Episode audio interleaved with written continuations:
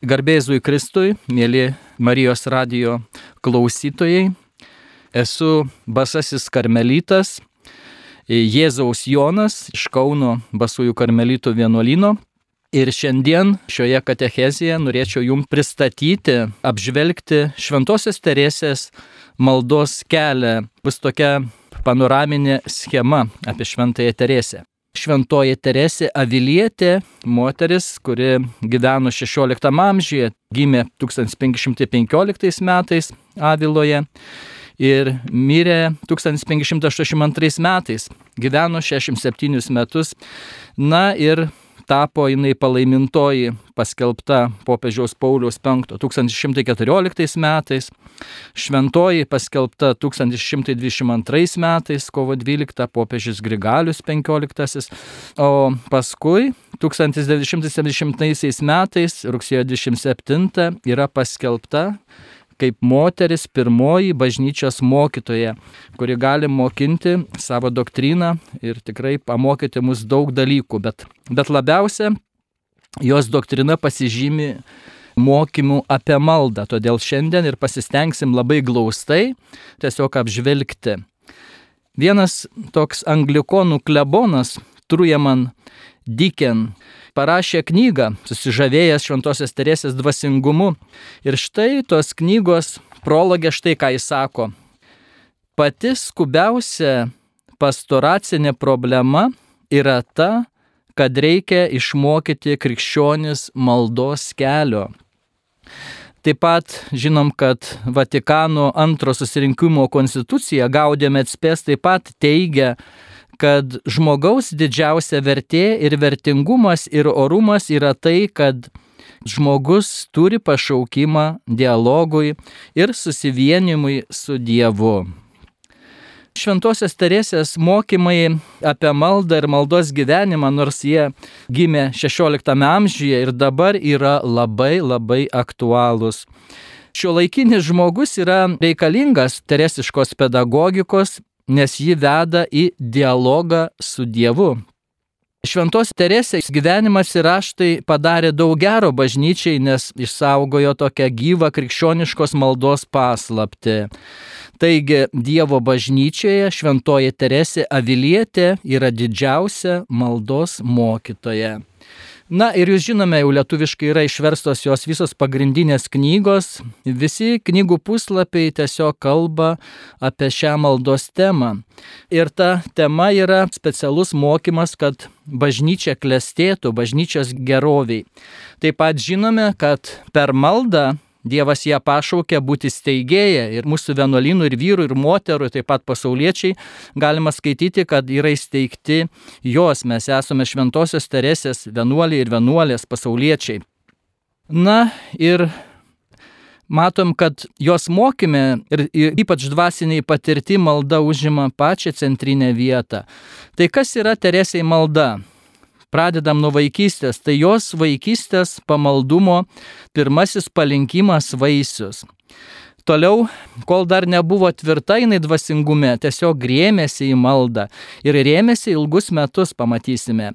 Toliau, Teresė, nors yra šventoji ir tikrai pasižymėjo darybėmis, bet vis tiek ir jai reikėjo atsiversti. Tai malda buvo šventos Teresės irgi atsivertimo kelias. Na ir toliau, malda Teresiai taip pat yra jos aukščiausių mistinių patirčių centras.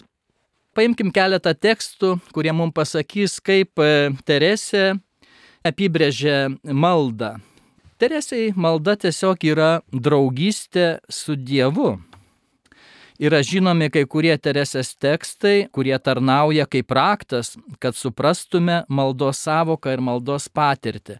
Štai vidinėje pilyje arba buveinėse ketvirtose 17 skyriui arba vienuolynų steigimuose jinai rašo, kad daug pažengtume šiame kelyje, nėra reikalo daug galvoti, bet daug mylėti.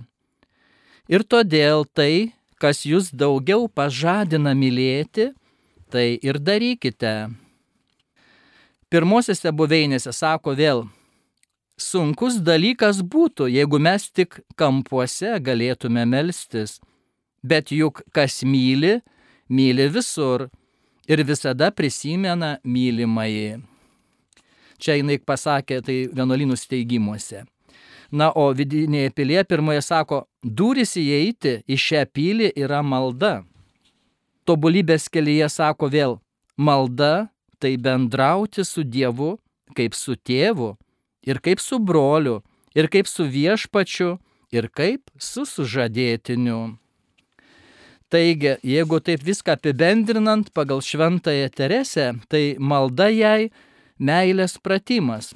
Ir įmanomas tas meilės pratimas visur, visose vietose. Taip pat jai malda tai yra šviesa, per kurią pažinsime tiesą apie mūsų žmogišką būti ir apie mūsų trapumą. Teresiai malda tai toks vidinis gyvenimas, įeinant į savo vidų. Bet tai yra pradžia, duris į mūsų tą vidinę pilį, kurį kiekvienas žmogus mes turime. Taip pat jai malda draugiškas dialogas su Dievu, kuris yra tėvas ir draugas. Taigi Teresė kviečia maldoje bendrauti su Dievu kaip su draugu ir kalbėtis apie draugystę. Dar daugiau yra žinomas toks klasikinis teresiškas maldos apibrėžimas. Tas apibrėžimas yra gyvenimo knygoje, aštuntame skyriuje, penktas numeris. Ir sako Teresė, vidinė malda yra ne kas kita mano nuomonė, kai bendrauti su draugu daugel kartų vienumoje su tuo, kuris, kaip žinome, mus myli. Taip, aišku, šis apibrėžimas ką tik perskaitytas tirštas ir turtingas, bet jame yra įlieta visa Teresės asmeninė patirtis ir tam tikra priešiška reakcija prieš kai kurias maldos formas ir metodus, kurie labiau pabrėždavo proto ir mąstymo vaizduotės funkcijas. Taip pat tas apibrėžimas, kur girdėjom, paaiškina jos reikšmę. Teresė kalba apie žmogiškos draugystės patirtį, transformuotą, perkeistą ir pakeltą į draugystę su Dievu. Ir tame girdėtame apibrėžime galima pabraukti, na, tokius žodžius. Tai yra, sako, kalbėtis kaip su draugu, draugystė tai yra dialogas, konfidencialus susitikimas, Tiesiog buvimas, intimumas ir spontaniškumas. Taip pat in apibrėžime maldo sako daugel sykių. Ką tai reiškia? Tai reiškia, kad malda yra dažna ir turi būti tesiama bendraujant, negali nutrūkti. Toliau sako, vieni du nušaly. Vadinasi, malda reikalauja tylos, susikaupimo, nuošalumo ir išskirtinumo. Ir jos žodžiai sako, su tuo, kuris mus myli. Malda tai yra mūsų meilės atsakymas, kuris turi pagrindą tik tai mūsų tikėjime ir pasitikėjime. Bet Teresė ypač pabrėžia maldos teologinį ir psichologinį aspektą. Kontekstas einantis po to mums kalba apie perkeitimo arba transformacijos jėgą. Ir malda visada pražįsta darybėmis. Štai Teresė vėl gyvenimo knygoje, aštuntame skyriuje, penktas numeris sako, kad meilė būtų tikra ir kad draugystė tęstusi, mes turime atrasti sąlygas, pamatyti būklę. Dėl viešpatės jau yra žinoma, kad jis neturi jokio trūkumo, o mūsų būklė yra įdinga būtis, jausminė būtis, nedėkinga būtis. Bendravimas su Dievu Teresė veda į perkeitimą, į totalinę transformaciją, perkeitimą Dievo meilėje. Na, dabar išvardinsiu kai kurias Teresės maldos charakteristikas. Pirmiausia, Teresės malda yra afektinė, paprastesniais žodžiais emocinė, jausminė malda. Ir todėl maldos savoka yra nukreipta daugiau į meilę negu į galvojimą, bet su pakankama tikėjimo šviesa ir šventojo rašto žinojimu. Ir tai Teresai padeda įsibrauti į aukščiausias paslaptis. Teresės mokymė apie maldą galime pamatyti ilgų sausros metų pamokas, kai ji visai negalėjo mąstyti visai nieko. Apie tai galėtumėm paskaityti jos gyvenimo knygoje, septintame skyriuje, septynioliktas numeris. Teresės pirmykštė patirtis visada turėti Kristų matome šalia ir kalbėti su juo. Ir jai pasirodys efektyvesnė negu kitos tokios dirbtinės technikos, kurios norėjo iš Teresės atimti mąstymą, ypač apie Kristaus žmogystę. Be to pirmo maldos punkto arba tos charakteristikos, tos emocinės jausminės maldos, antras savybė jos maldos yra dinamiškumas, judėjimas. Malda tai yra nuotykis, tai yra paslapties pradžia, tai Dievo ieškojimas, kuris nepasotinamas. Nenurimsta tol, kol nepasiekia aukščiausiojo susitikimo. Tiesiog yra kelias iki kontempliacijos gyvojo vandens gilinimuose į save, interiorizacijos procesas, kol nukeliaujama iki paskutiniųjų buveinių. Na ir ta antroji savybė maldos, tas dinamiškumas pasireiškia kaip? Pirmiausia, vidinės malonės didėjančių laipsniškumu. Mes gauname iš Dievo tokią vidinę malonę, kuri apvalo visą asmenį, mūsų protą apvalo, mūsų valią, apvalo kūno jėgas. Taip pat maldos dinamiškumas pasireiškia, kad vis geriau, taip progresyviau įeinant ir suvokiant visas krikščionybės paslaptis. Teresė per maldą pažįsta, nors nebuvo teologija, pažįsta paslaptis. Dievo paslaptis, Kristaus švenčiausias trejybės, pačios bažnyčios kaip sakramento paslapti. Maldos dinamiškumas dar pasireiškia tokiu pastoviu, nuolatiniu darybių ir atsidavimo Dievui reikalavimu prisitaikymu arba asimiliacija.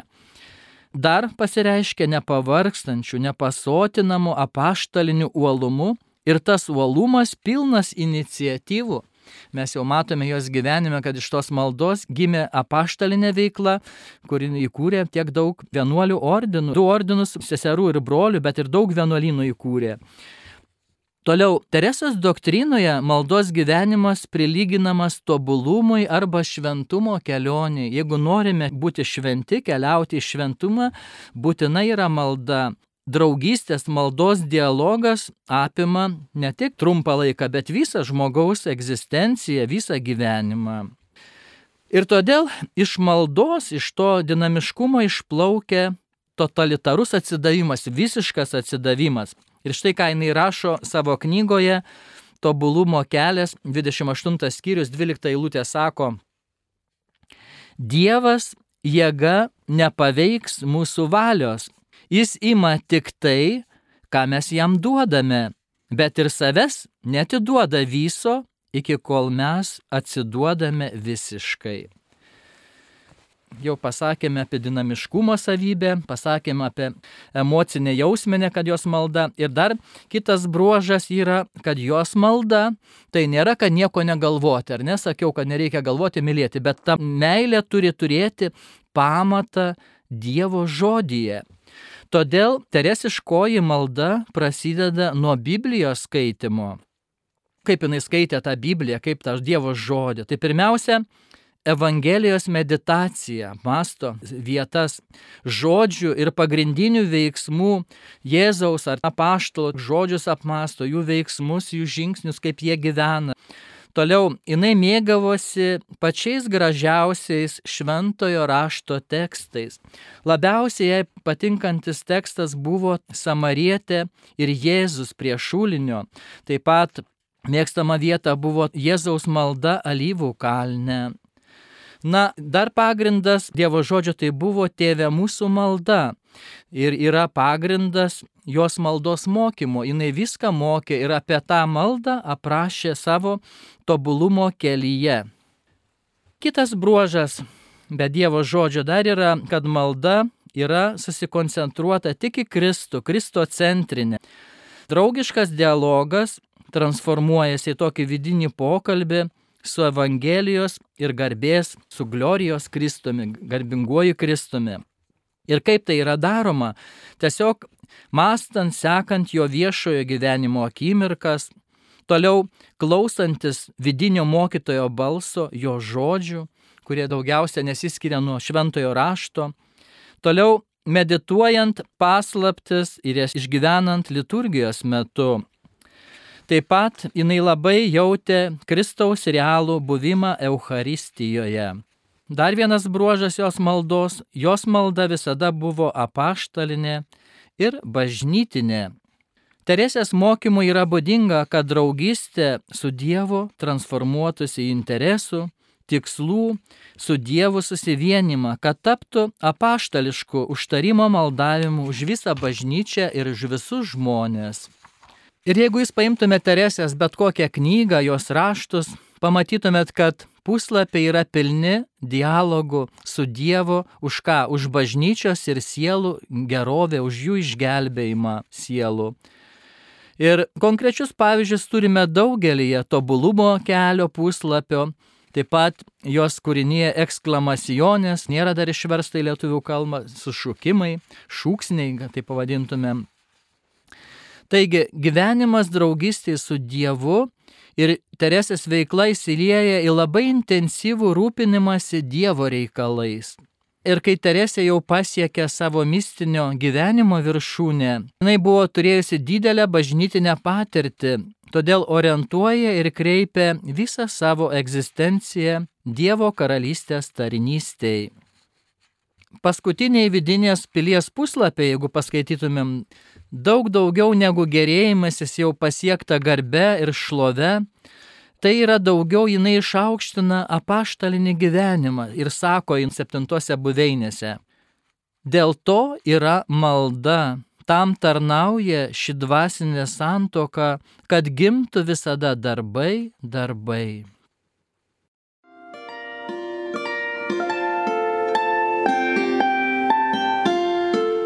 Jūs girdite Marijos radiją.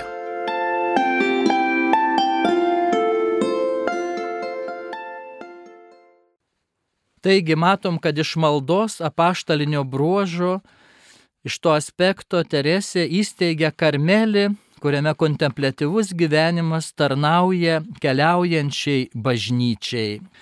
Ir todėl Teresė ragina savo dukras vienuolės, kad būtų tobulos, jeigu nori, kad viešpats klausytų jų maldų. Ir štai tobulumo kelyje trečias skyrius, penktas punktas sako, Prašau jūsų būti tokiomis, kad nusipelnytume, būtume vertos pasiekti šias malonės duodamas Dievo. Taigi, bažnytinės maldos tarnystėje įtvirtina savo įkurtojo karmelio esmę. Dėl ko yra sukurtas karmelitų ordinas? Sako, kai jūsų maldos ir jūsų troškimai ir jūsų plakimasis seseris ir jūsų pasnikai nebus dėl to, kaip minėjau, turėkite galvoje, kad nesiekėte savo tikslo, kuriam viešpats jūs čia surinko. Todėl Karmelio tikslas yra bažnyčios reikalai ir sielų gerovė.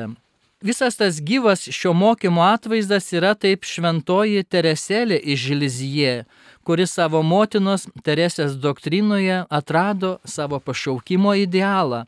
Sako Tereselė iš Žilizie, meilė, aš būsiu meilė bažnyčio širdyje.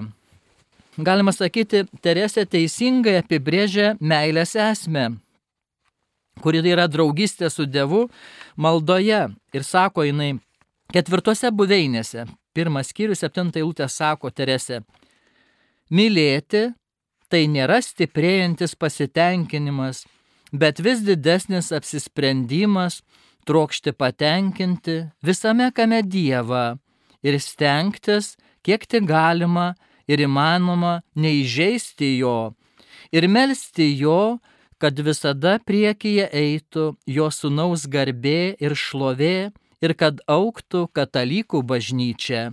Tai ir yra meilės žymės. Jos maldos kelias turėjo ilgus etapus. Malda kaip dialogas su Kristumi ir kaip šventėjimo procesas yra kaip nuotykis ar paslaptis, ilgas kelias su tam tikrais etapais. Tai kelionė į vidinę pylį, pereinant įvairias buveines. Kiekvienas žmogus turime mes tą savo vidinę pylį. Ir kiekvienas šio kelio etapas pasižymi. Pirmiausia, vidinę dvasinę malonę. Ir paskui psichologinių tos malonės išgyvenimų. Bet taip pat trečias etapas yra etinė įtaka, kuri tobulina sielą. Na ir pas Teresę mes galime tiesiog išskirti tokius du pagrindinius periodus. Pirmasis periodas yra maldos kelyje asketinis periodas, kuriame viršų ima paties žmogaus pastangos kovoje prieš nuodėmę, darybių praktikavimas, meditacijos praktika. O antras etapas jau yra vadinamas mistinis periodas. Jame jau veikia ir viršų paima ant gamtinė Dievo veikla. Veikimas, kuris ištyrina, apvalo, reformuoja, sustiprina ir atveria naujus kelius į šventumą ir apaštalavimą. Ir dabar truputėlį pakalbėsime nuo pradžios maldos, žodinė malda. Jis rašo apie žodinę maldą savo knygoje Tobulumo kelias 24-25 skyrius. Teresės pedagogikoje žodinė malda tai yra pirmo laipsnio malda, kuris spontaniškai pereina į dialogą su Dievu ir turi kontempliacijos tirštumo ir intensyvumo. Būtina sąlyga, kad melstumėmės, yra tyla, ir vidinė vienuma. Pagalvokime, kaip Kristus, kuris pasitraukdavo nuo kitų, kad galėtų kalbėtis su tėvu vienas, niekieno netrukdomas. Iš tikrųjų, juk neįmanoma kalbėtis vienu sikiu su Dievu ir su pasauliu. Todėl taip yra akcentuojama ta tyla ir vidinė vienuma kad galėtume taip pat suvokti, su kuo kalbamės ir kas tai yra tas Dievas, Ko jo prašome, taip pat yra būtina ta tyla ir vidinė vienuma. Iš tikrųjų, Teresė maldoj buvo priešiška ilgoms maldoms ir sudėtingiams pamaldumams, kurių buvo nemaža jos amžiuje. Štai gyvenimo knygoje 13 skyriuje 16 numeris sako, nuo paikų pamaldumų tegu apsaugo išlaisvina mus Dievas. Kokiom maldom Teresė skiria pirmenybę, ypač žodinė maldom. Pirmiausia, Teresė mėgo melstis psalmėmis, nors daug tų psalmių ir nesuprasdavo, nes būdavo melžiamasi lotyniškai. Taip pat viešpatės maldai Pater Noster, kurią ji komentavo savo knygoje Tobulumo kelias kaip krikščioniškos maldos santrauka ir sintezė.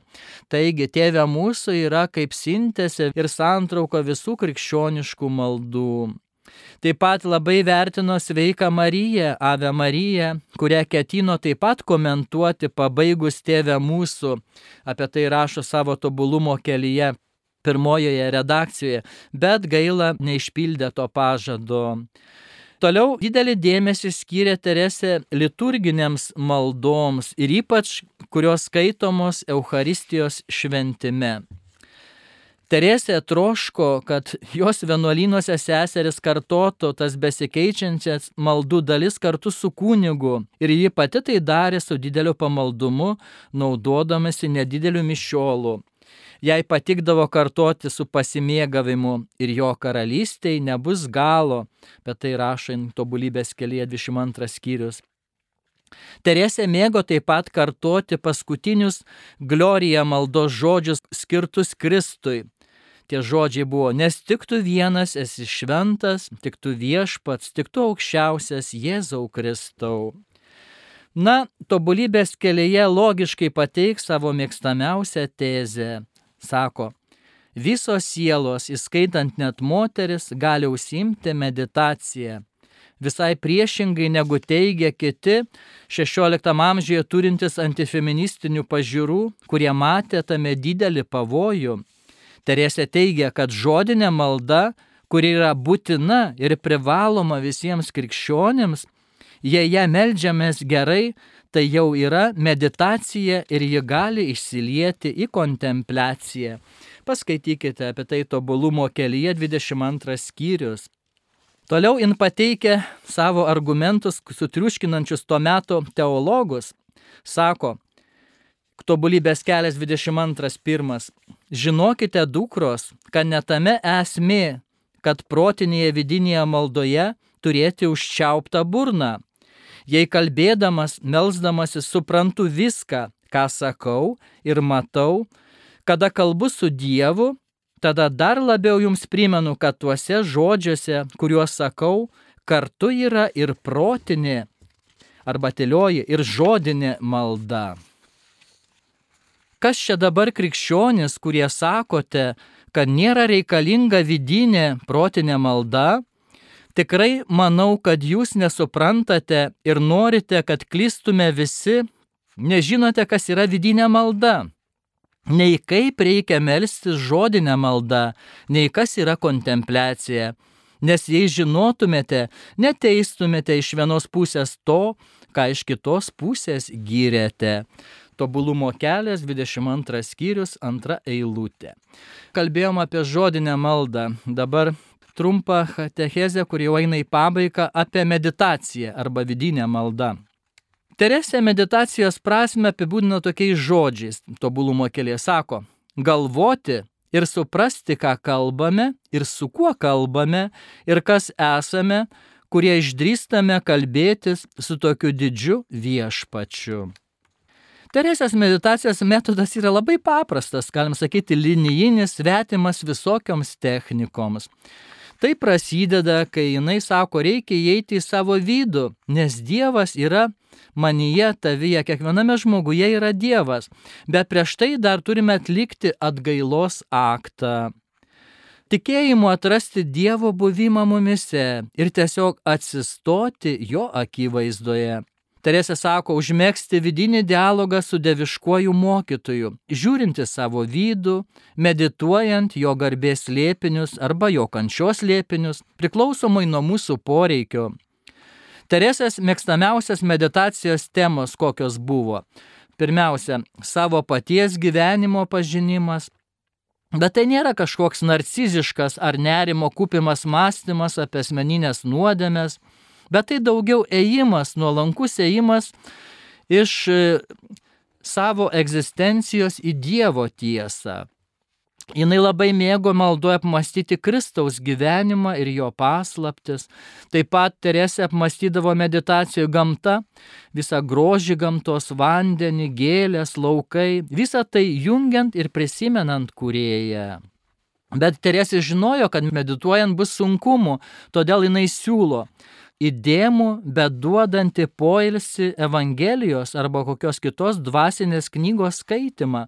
Tie, kurie negali susikaupti medituojant, jiems siūlo skaityti arba Evangeliją pirmiausia, arba dvasinę knygą gerą kažkokią vietą, naudotis Jėzaus ikoną ar kitų atvaizdų ir tiesiogiai su juo kalbėtis.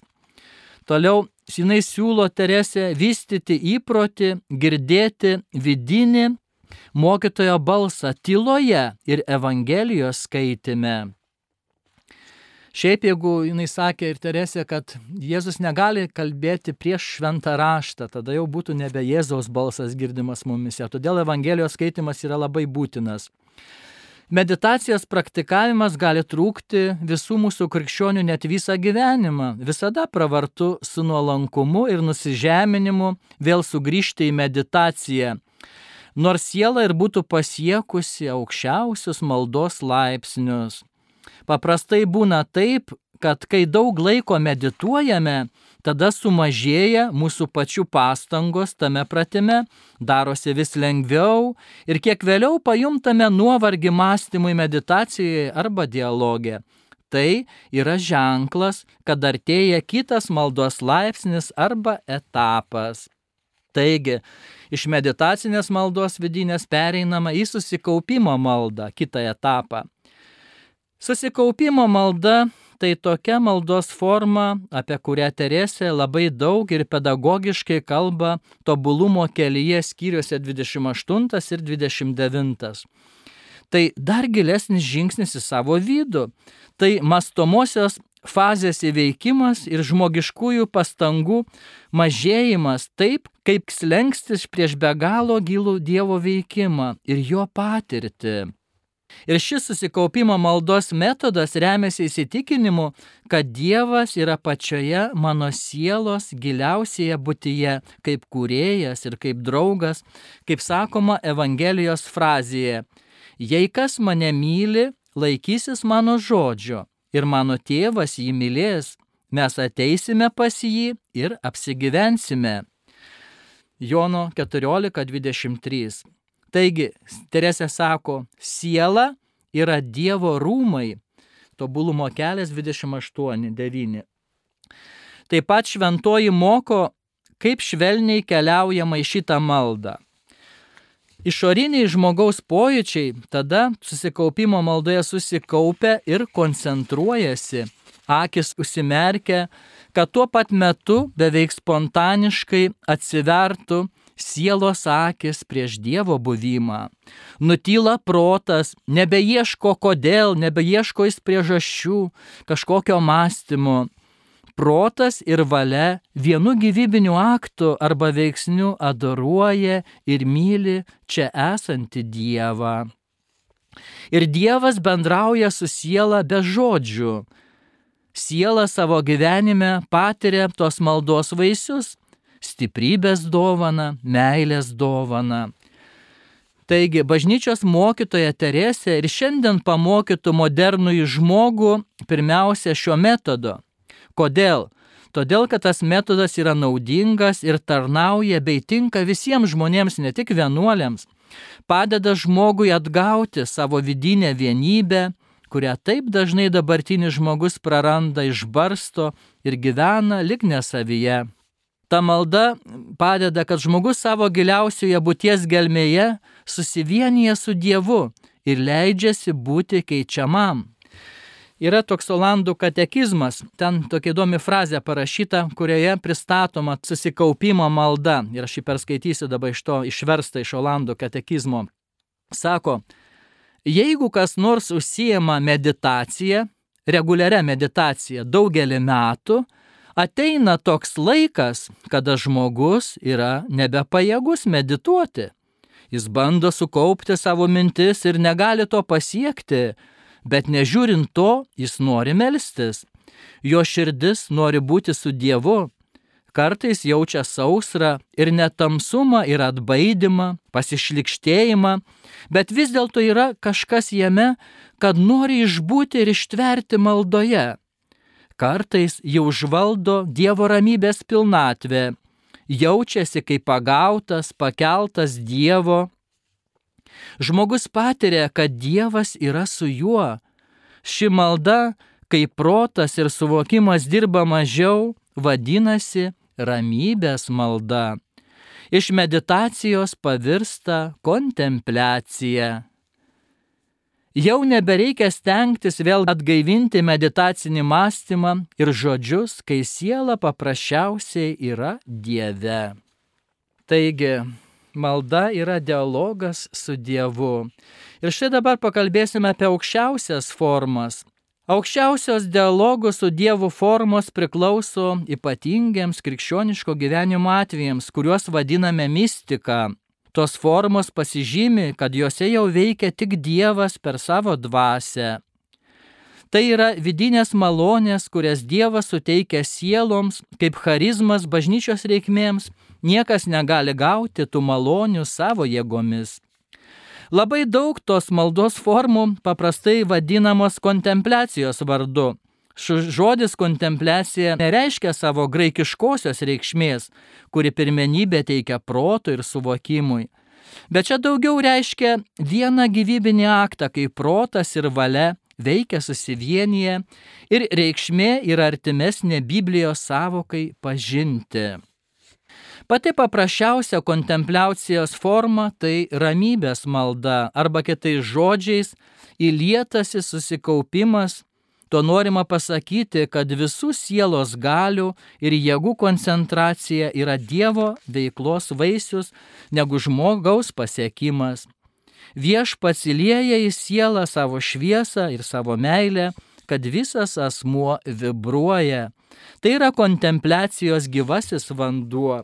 Galite paskaityti apie tai tobulumo kelyje 30 skyriuje arba vidinėje pilyje 4 buveinė 3 mistiniai fenomenai reiškiniai.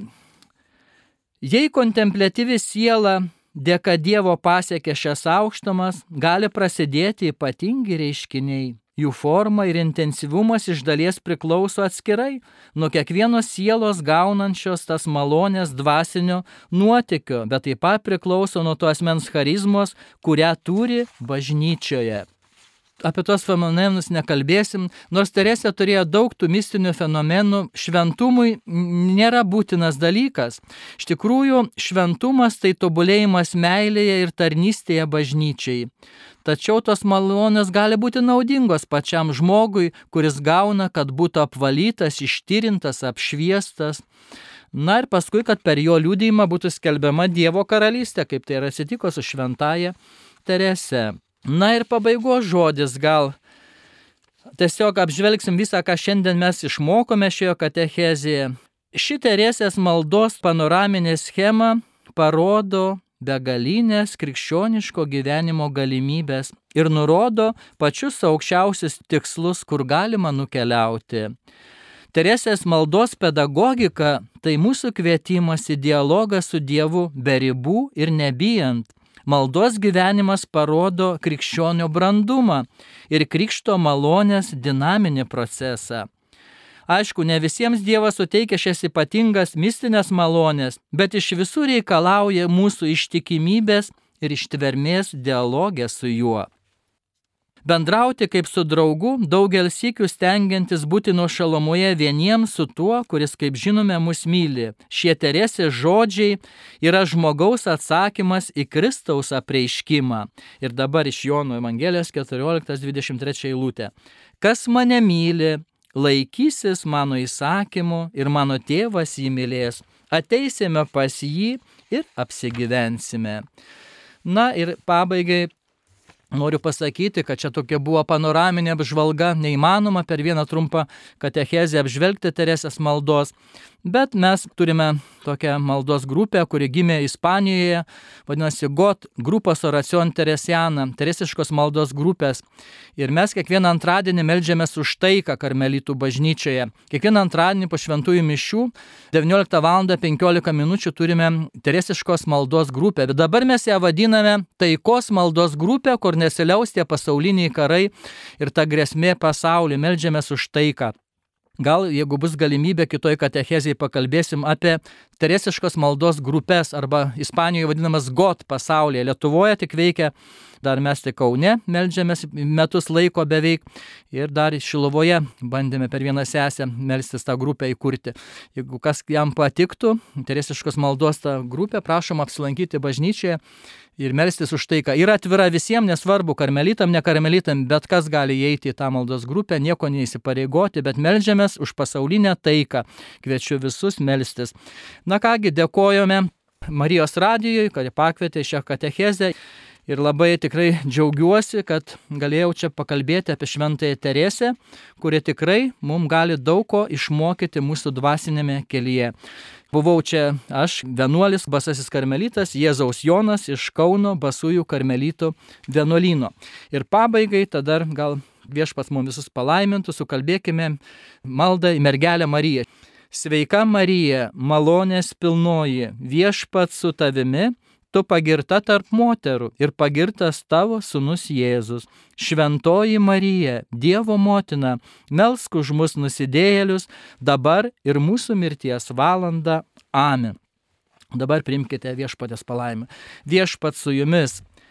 Te palaimina jūs visagalis Dievas, tėvas ir sunus ir šventoji dvasia. Te lydijus viešpatės malonė. Ačiū uždėmesi.